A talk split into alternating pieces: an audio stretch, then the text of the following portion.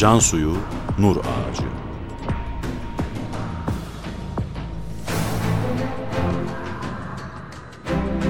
Metin Yusuf Ziya Özkan. Yöneten Ömer Parlak.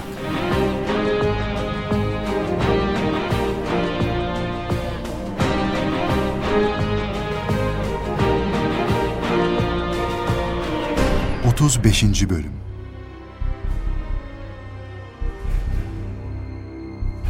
Koğuşa sokulan görevli son derece masum bir dini hayattan başka bir şey göremez. Hemen Bediüzzaman arkadaşlarından tecrit edilir. Tam bir tecriti mutlak içerisine alınarak kendisine ve talebelerine çeşitli zulümler yapılır. Dehşetli işkenceler tatbikine başlanır. Ancak bütün bunlar Bediüzzaman'ın hizmetini ve gayretini engelleyemez. O her zemin ve şartta davasına hizmet etmenin mümkün olduğunu göstererek ispat eder.'' 28, 29 ve 30. lemalarla 1 ve 2. şualar Eskişehir hapishanesinde telif edilir. Bir gün genç stajyer avukat Kemal Tener, hapishaneye Bediüzzaman'ı ziyarete gelir. Bediüzzaman tam namazı bitirmiş, tesbihatını yapmaktadır. Devam edin efendim. Tesbihinizi bitirin. Buyurun, ne istediniz? Ben hukuk talebesi stajyer avukat Kemal Taner'im. Sizden bir ricam olacak. Ne gibi bir rica acaba? Buyurun söyleyin. Efendim sizin için çok kerametler gösterir diyorlar. Bir süredir sizi dikkatle takip ediyorum. Herhangi bir harika hal göremedim. Eğer gerçekten keramet gösterebiliyorsanız bana da gösterin. Mesela şu elinizdeki tesbih. Kendi kendine yürüsün. Bak, sana bir hikayecik anlatayım. Bir adamın çok sevdiği, sevimli, sevgili bir tek küçük oğlu varmış. Adam bu çok kıymetli yavrusuna çok değerli bir hediye almak için onu bir kuyumcu dükkanına götürmüş. Çok çeşitli elmas ve mücevherlerden beğendiğini oğluna alacakmış. Peki oğlu ne yapmış? Kuyumcu dükkanını süslemek için ayrıca tavana çeşitli renklerde lastik balonlar asmış. Çocuk dükkana girince gözü balonlara takılmış kalmış. İlle de balon istemiş.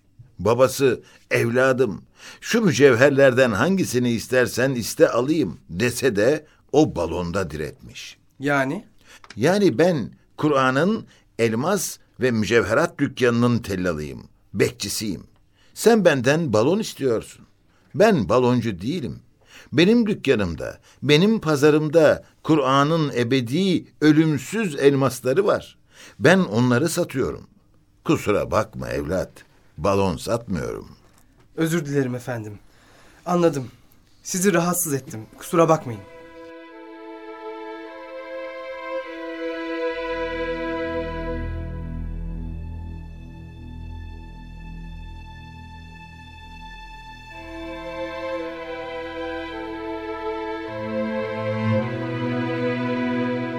Bediüzzaman Eskişehir'de hapisteyken her nasılsa savcı onu çarşıda görür. Hayretler içinde kalır ve hemen soluğu hapishanede alır. Pür öfke müdüre çıkar.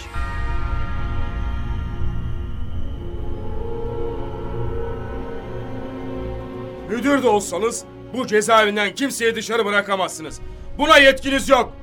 Neden bana haber vermediniz? Neden o adamı dışarı çıkardınız? Ne diyorsunuz savcı bey? Kimi dışarı çıkarmışız? Said Efendi'yi çarşıda gördüm. Şimdi, az önce. Evet oydu. Onu nasıl dışarı bırakırsınız? Bırakmadık savcı bey. Said Efendi tecritte biliyorsunuz. Kapısında sürekli nöbetçi var. Bu mümkün değil. İnanmıyorum. Hemen gidelim. Göreceğim. Buyurun efendim gidelim.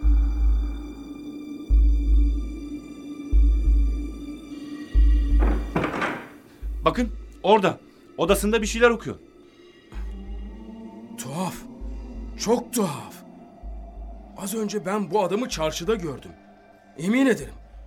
Fakat ne zaman gelip de yerine geçti ki? Kendinize gelin beyim. Buradan kimse dışarı çıkmadı. Kimse de içeri girmedi. Bana inanmazsanız bütün personele sorabilirsiniz. Allah Allah. Allah Allah. Acaba yoksa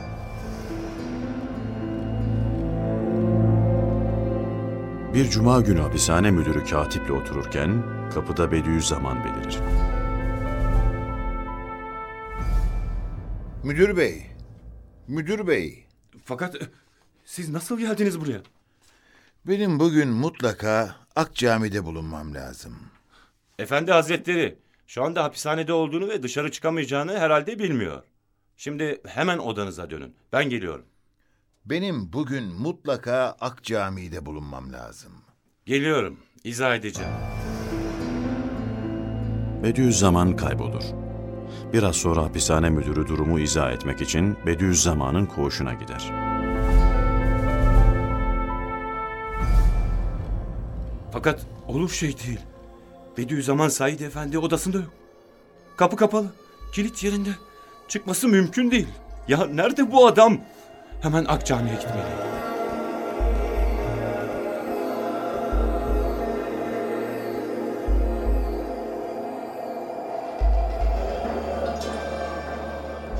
Buralarda görünmüyor. İçeriye bakayım. Eyvah, işte orada. Birinci safta, mihrabın sağ tarafındaki adam. Bunu nasıl anlamalı bilemiyorum. Aklımı kaçıracağım. Şunu bekleyip azarlamaktan başka çarem yok.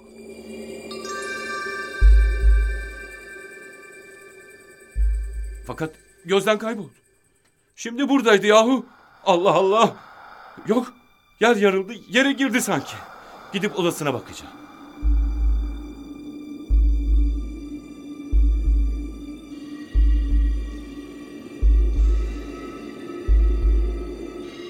Allahu Ekber. Allahu Ekber. Secdeye kapandı. İçeride. Az önce yoktu ama. İyice baktım yahu. Gerçekten iyi baktım. Allah'ım bana bir şeyler oluyor. Ne oluyor müdür bey? Bu telaşın ne böyle? Az önce bu adam Akcami'deydi. Şimdi burada. Ne zaman gitti? Nasıl gitti? Ne zaman geldi? Nasıl geldi? Aklım ermedi. Hayal görmüş olmayasın. Hayır efendim. Oydu. Yemin ederim oydu. Görüyorsun ki odasında namaz kılıyor ve kapısı da kilitli. Fakat ben onu camide gördüm. Şimdi ben deli mi oluyorum? Aman tanrım.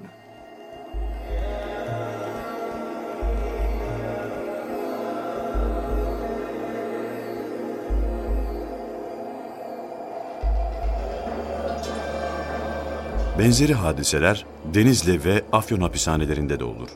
Bediüzzaman kendisi bu hadiseleri şöyle değerlendirir.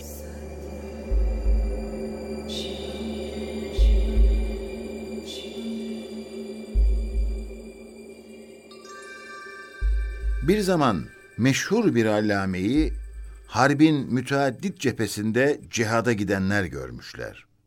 Ona demişler. O da demiş. Bana sevap kazandırmak ve derslerimden ehli imana istifade ettirmek için benim şeklimde bazı evliyalar benim yerimde işler görmüşler.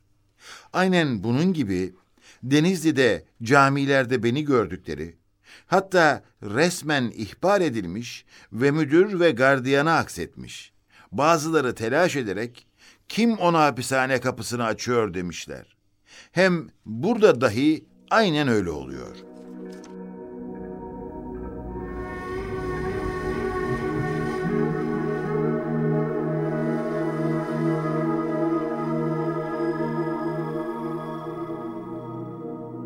Aziz kardeşlerim, sizin için çok müteessirdim.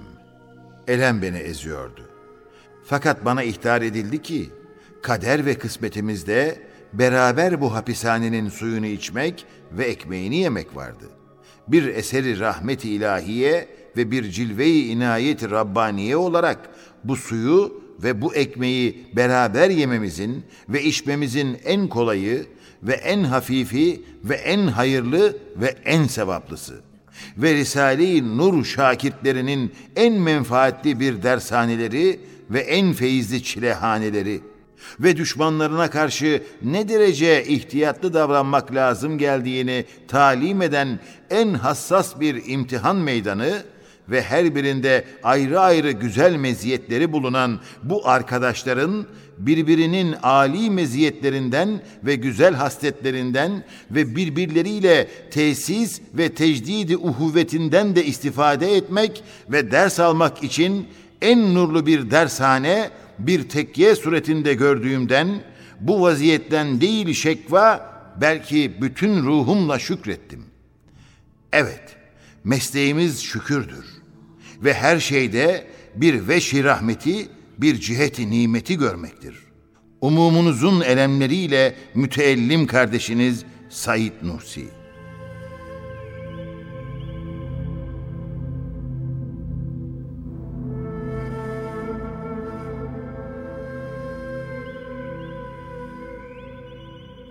Kardeşlerim, rica ederim ki sıkıntı veya ruh darlığından veya titizliğinden veya nefis ve şeytanın desiselerine kapılmaktan veya şuursuzluktan, arkadaşlarından sudur eden fena ve çirkin sözleriyle birbirine küsmesinler ve haysiyetime dokundu demesinler. Ben o fena sözleri kendime alıyorum. Damarınıza dokunmasın. Bin haysiyetim olsa kardeşlerimin mabeynindeki muhabbete ve samimiyete feda ederim.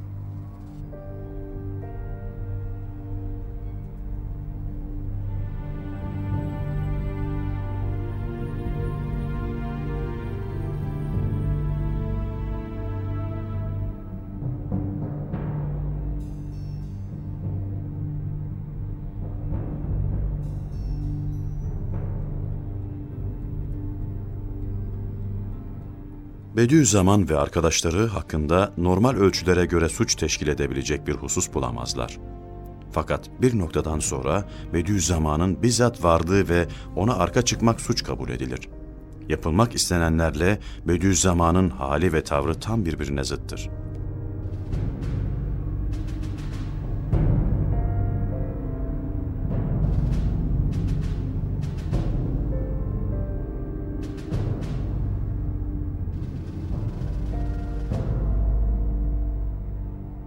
Artık siz de Bediüzzaman'ı yakından gördünüz.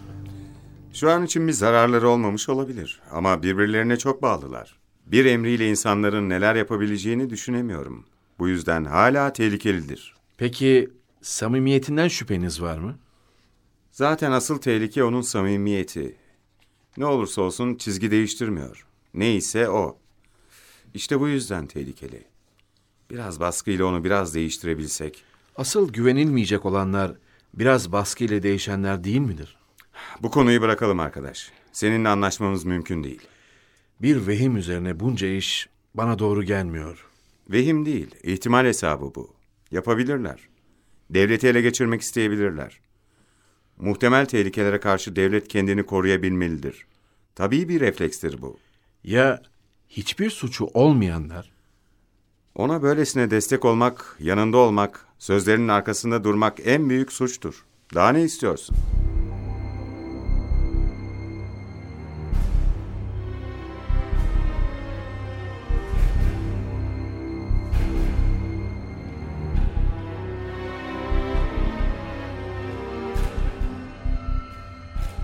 Büyük bir maharetle hal 163. maddeye bağlanmış ve iddianame hazırlanmıştır. İlk suçlama şöyledir.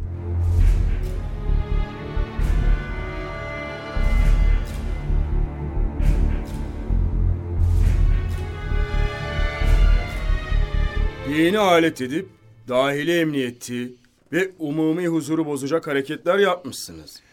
Yüz bin defa haşa. Meşgul olduğumuz iman ilimleri ilahi rızadan başka hiçbir şeye alet olamaz. Evet, güneş aya peyk ve tabi olmadığı gibi sonsuz saadetin nurlu ve kutsi anahtarı ve ahiret hayatının güneşi olan iman dahi dünyanın sosyal ve siyasi hayatının aleti olamaz. Neden? Evet, bu kainatın en muazzam meselesi ve şu yaratılmış alemin en büyük muamması olan iman sırrından daha ehemmiyetli bir kainat meselesi yoktur ki bu iman sırrı meselesi ona alet olsun. Haşa. Ne demek istiyorsun? Daha açık ifade et. Ey hakimler heyeti! Eğer bu işkenceli tevkifim yalnız dünyevi hayatıma ve şahsıma ait olsaydı, emin olunuz ki on senedir sustuğum gibi yine sükût edecektim. Fakat bu tevkifim çokların ebedi hayatlarına ve muazzam kainat tılsımının keşfini tefsir eden Risale-i Nur'a ait olduğundan yüz başım olsa ve her gün biri kesilse bu büyük sırdan vazgeçmeyeceğim. Hiç alttan almıyorsun. Sizin elinizden kurtulsam elbette ecel pençesinden kurtulamayacağım. Ben ihtiyarım. Kabir kapısındayım. Çünkü vakit muayyen olmadığından her vakit baş kesebilen ecel ya idamı ebedidir veyahut güzel bir aleme gitmeye bir terhis tezkeresidir. İşte Risale-i Nur, Kur'an'ın kutsi keşiflerinin feyziyle iki kere iki dört eder derecesinde katiyetle gösterir ki, eceli bir ebedi idamdan terhis vesikasına ve kabri dipsiz hiçlik kuyusundan müzeyyen bir bahçe kapısına çevirmeleri şüphesiz kat'i bir çaresi var. İşte bu çareyi bulmak için bütün dünya saltanatı benim olsa hiç tereddütsüz feda ederim. Evet, hakiki aklı başında olan feda eder.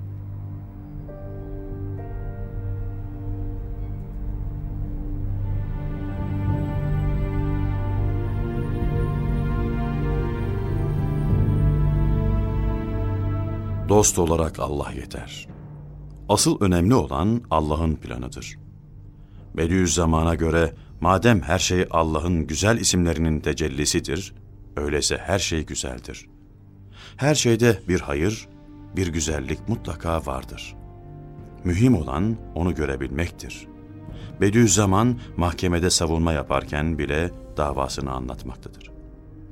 Evhamlı suallere gayet açık ve net cevaplar verir.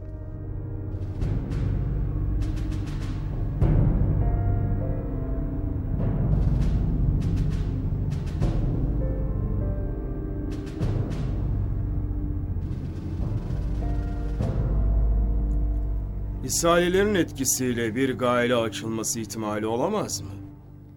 Dikkatli olmamız gayet normal değil midir? Risale-i Nur'dan ders alan elbette çok masumların kanını ve hukukunu zayi eden fitnelere giremez.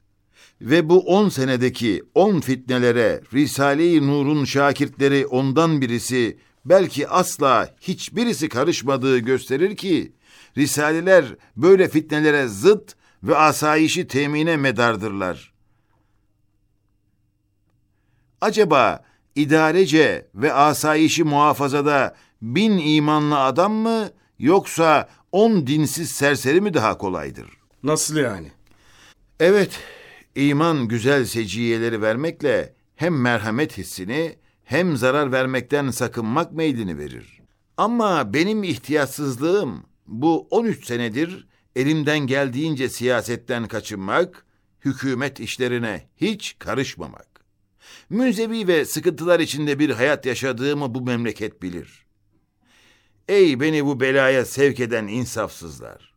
Anlaşılıyor ki asayiş aleyhinde hareket etmediğim için bana kızdınız, hiddet ettiniz ve asayişe düşmanlık damarıyla beni tevkif ettirdiniz. Böyle bir şey olabilir mi? Evet, asayişi bozmak ve idareyi karıştırmak isteyenler benim hakkımda hükümeti ifade ederek ve adliyeyi lüzumsuz işgal edip bizi tevkif ettirenlerdir. Onların hakkında değil yalnız biz, belki memleket namına başta savcı olmak üzere hakim heyeti dava etmelidir. Büyük konuşuyorsunuz. Şimdiye kadar bana hücum eden ve hükümeti aleyhimize çeviren kimselerin garazkar oldukları ve sırf garaz ile iliştikleri bununla anlaşılıyor ki bizi vurmak için her kapıya başvurdular. Evvela tarikatçılık bir şey bulamadılar.